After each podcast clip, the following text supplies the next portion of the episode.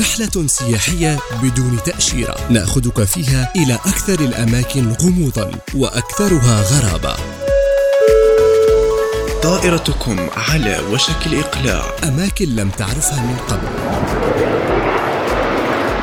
جواز سفر. على ناس بودكاست.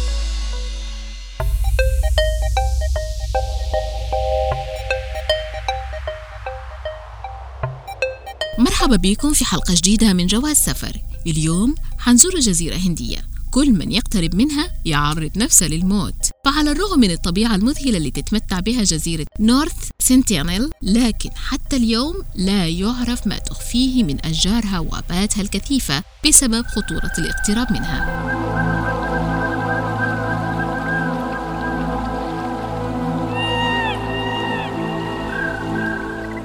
إذ تعيش في الجزيرة قبيلة غامضة تأبى أن يزور أي غريب جزيرتهم. وكل من يحاول الاقتراب من الجزيرة فإنه يعرض نفسه لخطر القتل. قبيلة سنتيليسي الغامضة اللي يعتقد أنها وفدت إلى الجزيرة منذ آلاف السنين واستوطنتها. تهاجم بعدائية كبيرة هلبة كل من يحاول الاقتراب من الجزيرة. حتى طائرات الهليكوبتر اللي تحلق على ارتفاعات منخفضة فوق الجزيرة لاكتشاف تضاريسها. هي الأخرى لم تسلم من رشقات السهام والرماح بهدف تدميرها.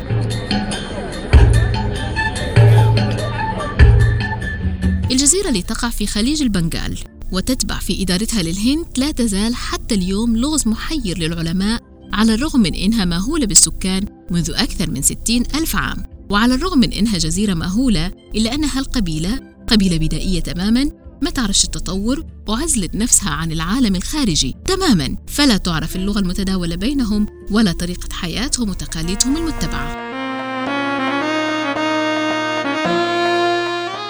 وبسبب خطورة الاقتراب من الجزيرة فإن الصور والتقارير عن الجزيرة قليلة للغاية. وإن وجدت فإنها ذات جودة منخفضة نظرا لالتقاطها عن بعد. كما لا يعرف على وجه التحديد تعداد سكان الجزيرة بسبب تضارب المعلومات. لكن يرجح بعض الخبراء إنهم يتراوحوا بين عشرات إلى بضع مئات بين أقل من 50 إلى 400 على أبعد تقدير.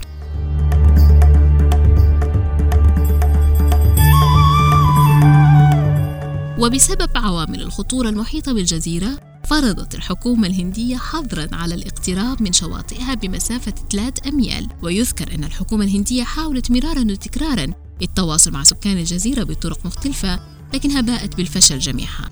منذ ذلك الحين تخلت الهند عن محاولاتها التواصل مع سكان الجزيرة وخلتهم في عزلتهم. كما أن سكان الجزيرة هاجموا البعثات الإغاثية اللي ألقت ليهم بالطعام والملابس بعد تسونامي عام 2004 فهم لا يرحبون بالهدايا والغرباء مهما كان هدف الزيارة.